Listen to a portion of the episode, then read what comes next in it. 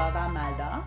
Ben Leyla. Biz bugün yine kanepedeyiz ve uzun zaman sonra Leyla'mla kanepemizde kavuştuk. Bugün sizlerle kavuşmamızın şerefine şöyle güzelce araştırıp kafa aydınlatan bir bölüm çekelim istedik. Ve gönlümüzden post-truth koptu. Uzun zamandır konuşmayı arzuluyorduk.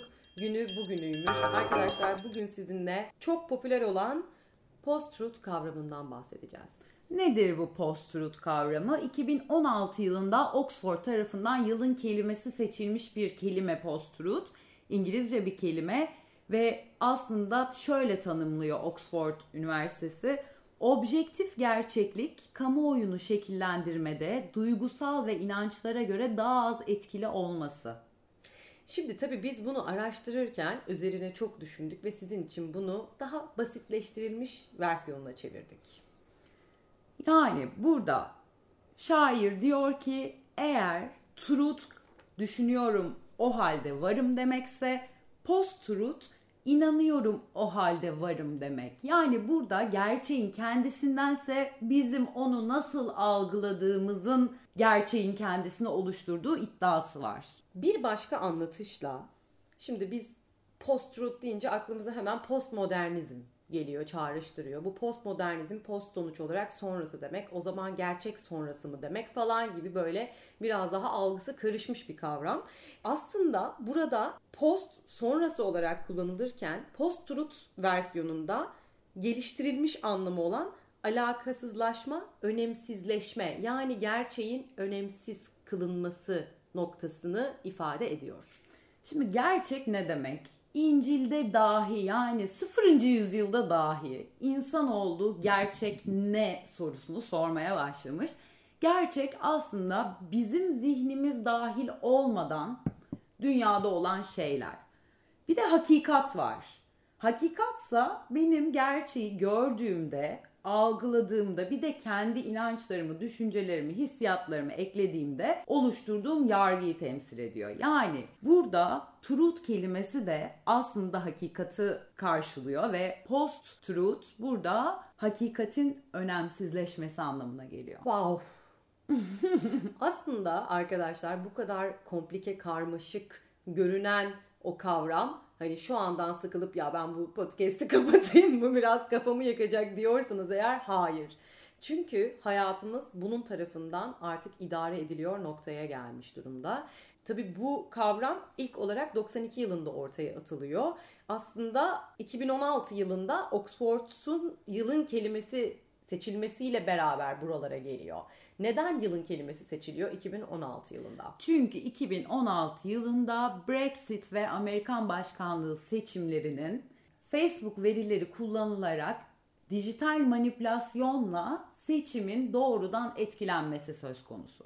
E bu tabii ki de dünya için çok büyük bir olay. Bir anda burada bir olay oluyor deniliyor arka taraftan ve post-truth. Evet arkadaşlar bunun bir ismi zaten vardı gerçeklik algısının değiştirilmesi ve manipüle edilmesi noktası. Günümüzde baktığınızda zaten hepimiz konuşuyoruz. Etrafta inanılmaz fazla bilgi var. Zaten bilgi çağındayız. Artık hani çöplük dediğimiz bir noktaya geldik ve bu kadar bilginin yayılması ve bu kadar bilginin kontrolsüz olarak yayılmasının bizi getirdiği bir platform ve ortam sağlanıyor bununla alakalı olarak. Dolayısıyla da bazı insanlar bunu çok güzel kullanıyor. Bazen bizler de bunu kullanıyoruz ilişkilerimizin içerisinde. Ama önemli olan biz bunun aynı zamanda kurbanlıyız da. Bence bu kısım çok önemli. Yani normal düşünen bir insan olarak hayatında yaşayan, okumuş, etmiş bir insan olarak biz ortaya çıkan o sahte haberlerden birbirimizden duyduğumuz, hiçbir kaynak sorulmadan öğrenilmiş bilgiler eşliğinde bir düşünce bütünü yaratıyoruz hayatımızda. Mesela Leyla artık bir özellik kazandı arkadaşlar. Ben kendisinden ilham aldım. Size de ilham olması açısından paylaşıyorum. Mesela Leyla'ya diyorum ki biliyor musun işte kadınlar erkeklerden daha çok orgazm oluyormuş. Kaynak ne diyor? evet. Gülmüyor, işte eğlenmiyor, şaşırmıyor. İlk sorusu kaynak ne diyor? Ve ben bazen e, Twitter'da gördüm falan diyorum. Yani böyle annelerimiz babalarımız da işte kekik çayı dolaşıma iyi geliyormuşlar. Kaynak ne dersin? Facebook der. Onun gibi. Gibi bir şey oldu. Gibi bir şey. Aslında bana bu bakış açısı da şu şekilde geldi. Yurt dışında yaşayan bir arkadaşımın arkadaşlarının kendisine aynı bu şekilde sorular sorduğunu söyledi. Ben de hani e, bir iletişimi devam ettirirken bir şey anlatırken çok zorlanıyorum orada. Neden diye sordum. Çünkü dedi ben bir şey konuştuğumda Aa, öyle mi çok enteresan kaynağı ne diye soruyorlar. Hani bunu kaynak ne doğru mu vesaire merak ediyorlar. Nereden okudun? Tabii ki de Twitter diyemediğini söyledi. Sonra da dedim ki aa ben kandırılıyorum. Çünkü etrafta herkes Twitter'dan bir şey okuyor. Sonuçta benim etrafımdaki arkadaşlarım da PhD'li, Ivy League okullardan mezun değil. Dolayısıyla dedim ki ben bunu bir sorayım. Ve gerçekten arkadaşlar sanıyorum ki bir aydır bunu uyguluyorum. İnanılmaz kafam rahatladı. Ne kadar çok ortada tamamen okuduğumuz, iki saniye okuduğumuz bir habere inanıp karşı tarafı orada bir anda 10 kişiye yayacak, o 10 kişinin 20 kişiye yayması. Ya bunlar gerçekten oluyor hayatımızda. Ve zaten çok zor bir dönemden geçiyoruz. Ben bunu bir deneyim dedim. Ben de öneririm arkadaşlar. Birazcık da olsa kafa rahatlatıyor. Yapılan araştırmalar şunu gösteriyor ki Leyla'cığım. Fake haberler gerçek haberlerden daha hızlı yayılıyor. Tabii ki. Çünkü zaten onlar tıklanma manipülasyonuyla birlikte senin karşına çıkıyor. Yani öyle kelimeler seçiliyor ki, öyle vurgular yapılıyor ki, öyle görseller konuyor ki olumlu ya da olumsuz yüksek duygular uyandırıyor ve sen onu paylaşma isteği duyuyorsun ya da altına girip yorum yapıp hayır öyle değil diye radikal çıkışlar yapıyorsun. Çünkü neden?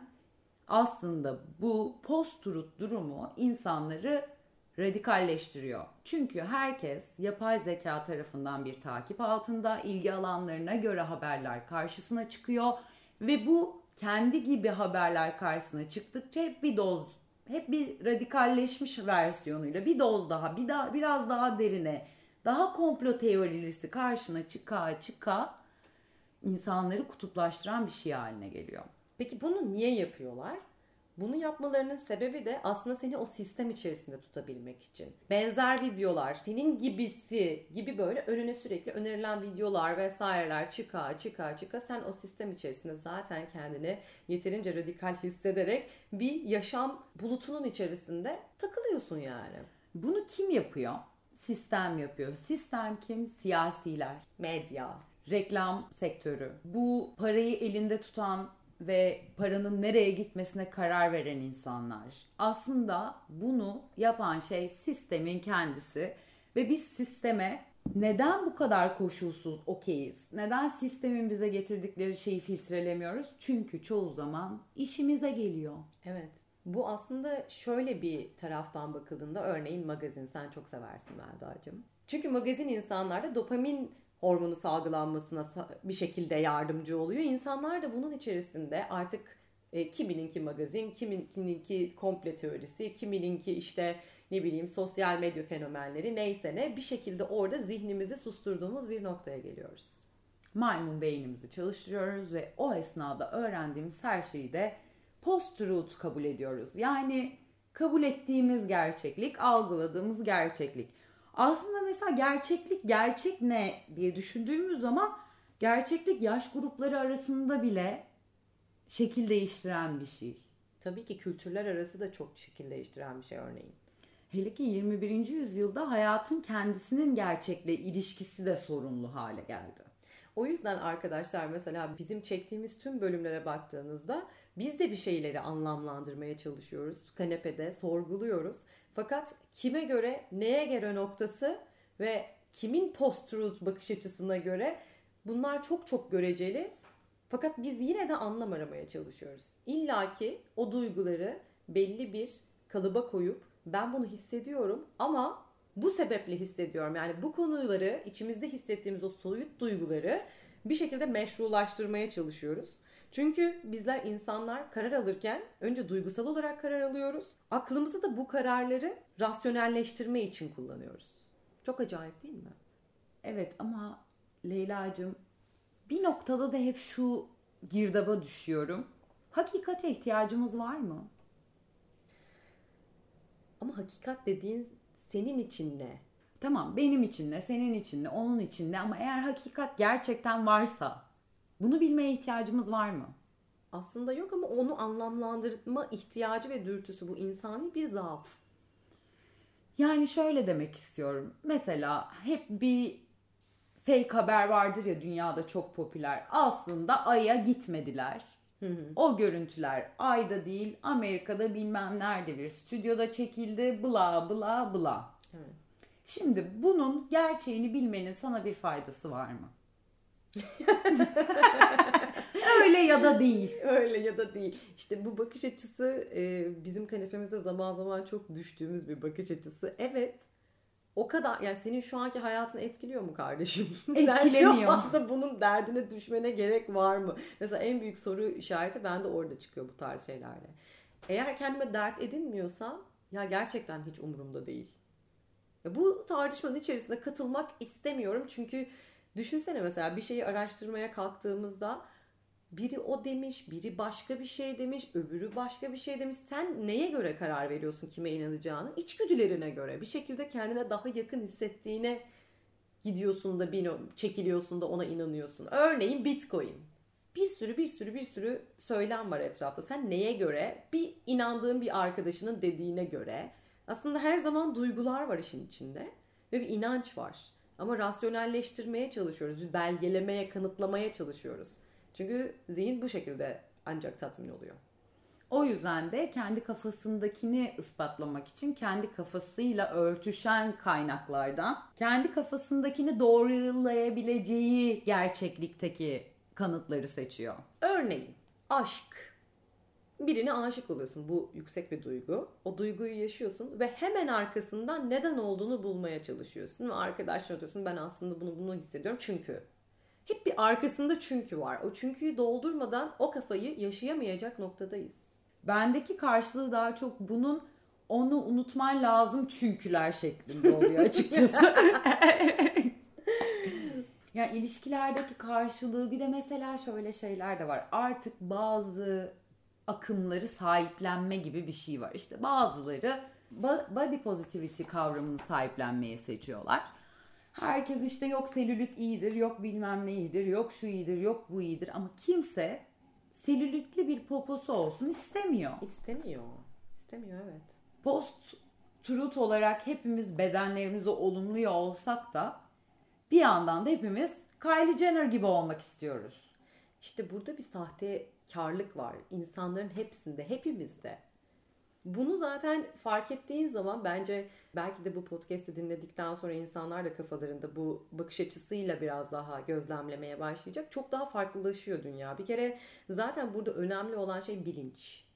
Sen bu bilinçte değilsen ve sürekli yazarların bu konuda e, daha otorite sahibi insanların dediği o dijital okur yazarlık denilen bir şey var şu anda. Yani bizler şu sosyal medyayı, yeni çağa, etrafımızdaki bilgi yönetimini kendimiz yapmamız bekleniliyor. Gördüğün her şeye inanamazsın. Bu post-truth dediğimiz şey aslında yüzyıllardır hayatımızda var. Bazı ortak mitolojilere inanmak işimize geliyor. Mesela ben kendi şahsi hayatımdan bir öz eleştiri yapmak istiyorum. Et tüketimimle alakalı.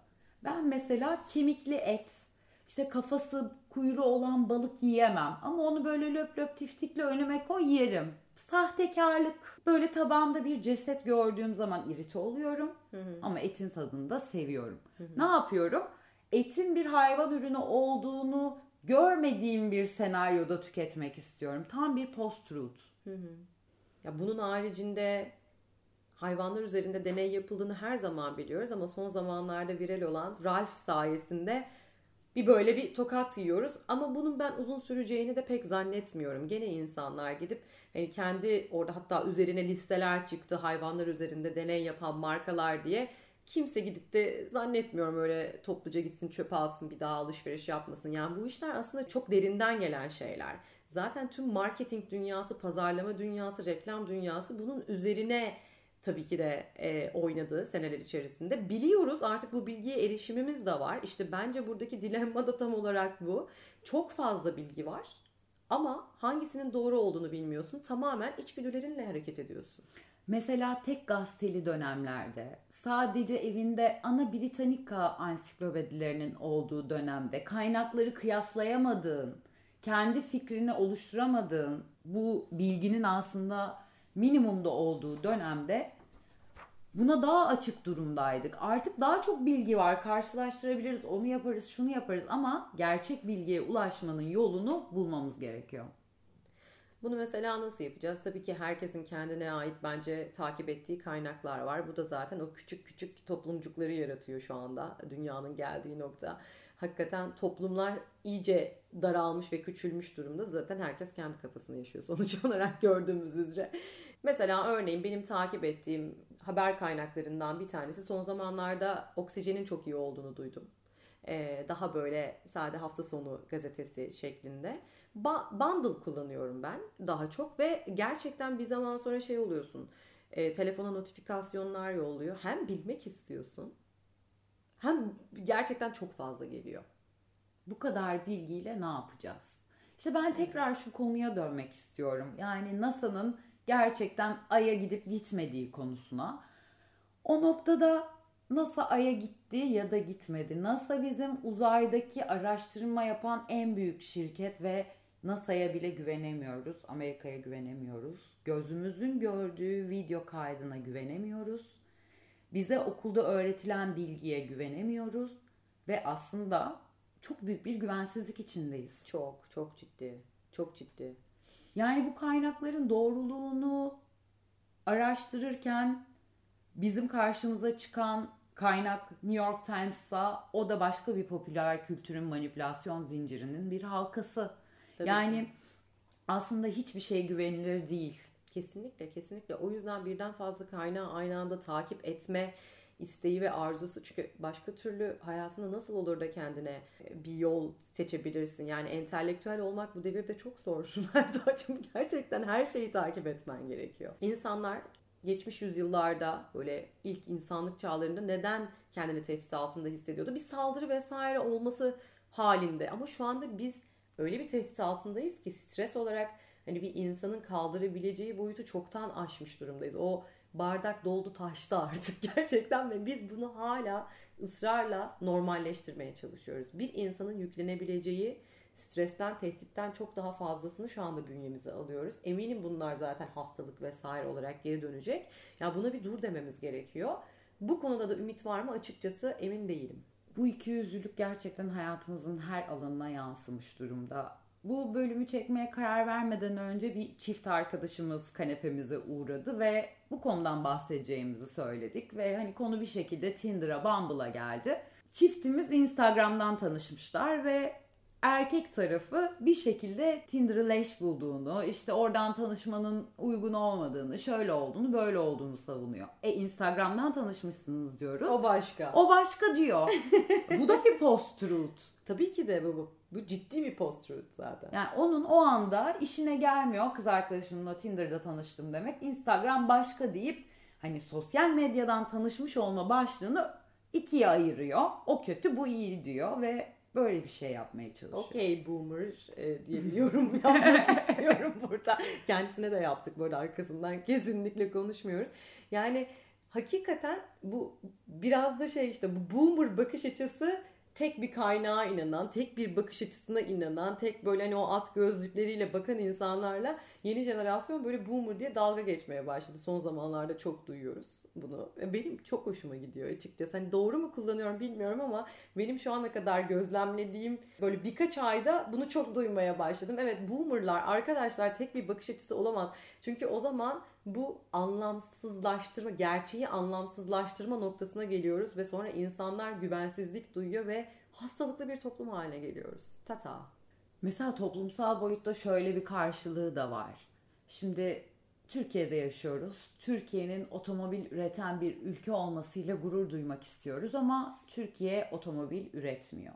Türkiye Avrupa'da üretilen bir otomobili gemiyle topraklarına getiriyor ve üstüne Made in Turkey yazıyor.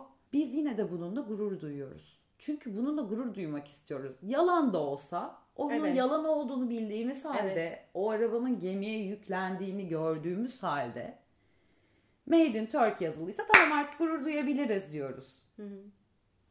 Çok ilginç, enteresan. Mesela bu ilişkilerde de yaşanan bir şey. Uzun süreli ilişkilerde e, şu şekilde görülebiliyor. İki tarafta odada bir fil olduğunun çok farkında. Fakat bu hiçbir şekilde konuşulmuyor. Bu kendinle bile konuşulmuyor. Bu arkadaşınla bile paylaşılmıyor. Ve bu şekilde artık gerçeği anlamsızlaştırarak, bir şekilde kendimizi uyuşturarak o ilişkilere devam ediyoruz.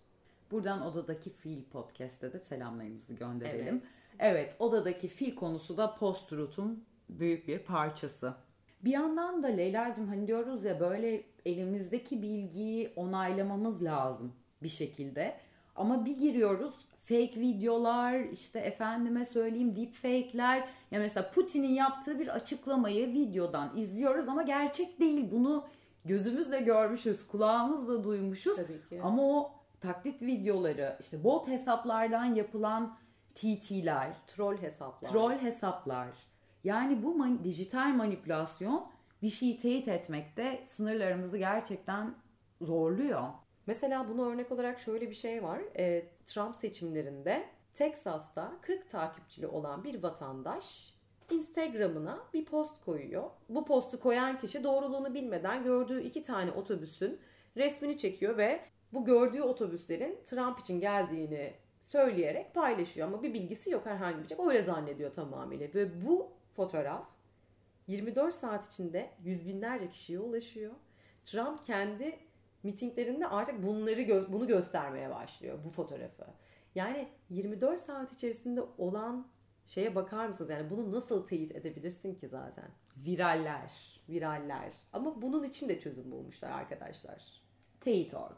Gönlümüzden kopan bir tavsiye olarak Teyit.org çünkü gerçekten e, hepimiz götümüzü kollamak istiyoruz arkadaşlar. Ya bir de şöyle bir şey var ki bazen gerçeği bilmemek ne kadar tatlı gelse de için için o gerçeğin ne olduğunu biliyoruz ve bu içimizi oymaya devam ediyor ve gerçekten gerçekle yüzleşmek özgürleşmenin ilk adımıdır diyoruz. Özümüzün gürleşmesi yani. Kendimizi kandırmadığımız, yalan haberleri inanmadığımız, başımıza bela almadığımız günler diliyoruz. Bir sonraki bölümde görüşmek üzere. Öpüyorum. Bye bye.